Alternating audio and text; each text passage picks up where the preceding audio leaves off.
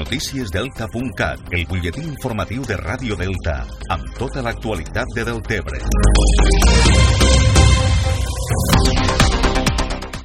Deltebre ha quantificat en 11.494.000 euros els danys al municipi pel pas del temporal Glòria, un mes després que es reclamés la declaració del terme municipal com a zona afectada per una emergència de protecció civil, el plenari va ratificar ahir l'informe dels serveis tècnics municipals que han analitzat les més de 100 instàncies que la ciutadania ha presentat en relació amb els danys causats pel Glòria als habitatges, comerços i empreses. L'informe va ser ratificat a nit pel ple municipal. L'alcalde Lluís Soler va recordar que el Glòria va deixar més de 3.700 abonats sense electricitat durant 7 hores, 1.600 alumnes sense classe durant dos dies, 45 pals de llum i telecomunicacions caiguts, prop de 50 carrers afectats, 35 arbres caiguts, 43 senyals caigudes, danys en una cinquantena d'habitatges, a més de les afectacions al sector aqüícola i arrosser i totes les afectacions a la línia de la costa.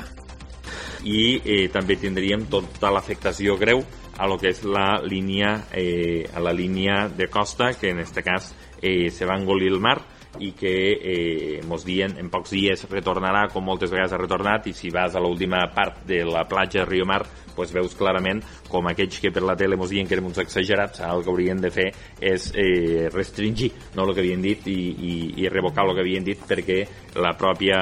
la pròpia situació d'on estava l'escola de Mel al setembre i on està ara l'aigua tocant a la passarel·la pues ho diu tot, més enllà de la bassa de l'arena com ha quedat o la platja de la Marquesa com ha quedat.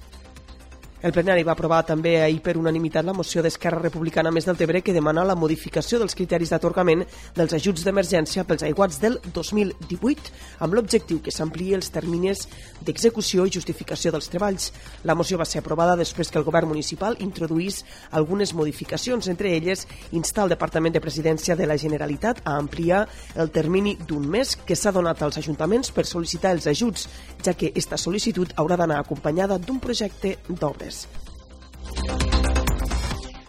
Deltebre sol·licitarà al Departament d'Educació l'aplicació de la jornada escolar continuada als tres centres d'infantil i primària del municipi. La proposta es va aprovar a nit per unanimitat al ple municipal, ja que es tracta d'una demanda de la comunitat educativa de Deltebre. Les AMPA van organitzar el 2017 un procés de participació als tres centres del municipi, amb el qual van participar un 85% de les famílies i un 93% d'elles va votar a favor de la jornada continuada. El tinent d'alcalde de Deltebre Projecció i regidor d'Educació, Carlos Serra, va insistir que cal replantejar plantejar la jornada escolar, ja que està demostrat que el rendiment de l'alumnat és molt millor durant el matí que durant la tarda. A més, l'aplicació de la jornada continuada permetria millorar l'organització dels horaris de l'alumnat i una millor adaptació a les necessitats de les famílies.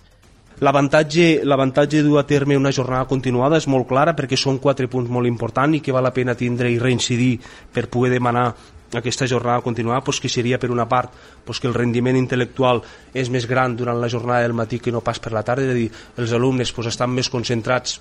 i més despejats a primera hora que no pas eh, després de dinar. També pues, que facilita als alumnes més temps per a la realització de deures, d'hàbits d'estudi, de que puguen fer activitats extraescolars,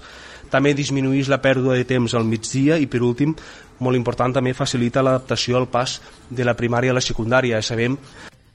Malgrat la jornada continuada, és un model estès a molts països i també a algunes comunitats autònomes espanyoles. A Catalunya, actualment, només 25 escoles fan jornada intensiva de 9 a 2, d'acord amb una prova pilota del Departament d'Ensenyament. Més qüestions, el ple va aprovar també a nit la proposta de zonificació escolar per tal de realitzar la preinscripció escolar dels alumnes de P3 del curs 2020-2021. En total hi ha empadronats 108 infants nascuts el 2017 i la zonificació que s'ha fet preveu una línia amb 24 alumnes a l'escola de Riumar, dos línies de 24 i 25 alumnes a l'escola Sant Miquel i 35 alumnes a l'escola de l'Assumpció, el que obligarà a sol·licitar al Departament d'Educació la recuperació de la segona línia de P3 que l'Assumpció va perdre l'any passat per falta d'alumnat ja que a l'Escola l'Assumpció està aquesta previsió de 35 alumnes, doncs per això ja, ja hem demanat, i així ho farem i ho demanarem, aquestes dues línies per a que poguéssim desdoblar i que pugui haure pues, eh, aquesta previsió en quant als alumnes que els toquen aquesta zona 3. Des d'Esquerra Republicana van assegurar que després de posar-se en contacte amb el Departament d'Educació se'ls va confirmar que l'Assumpció tindrà la segona línia de P3 el pròxim curs. El ple va aprovar també finalment declarar Deltebre com a municipi feminista. Això és tot per ara. Més notícies al portal deltacat.cat.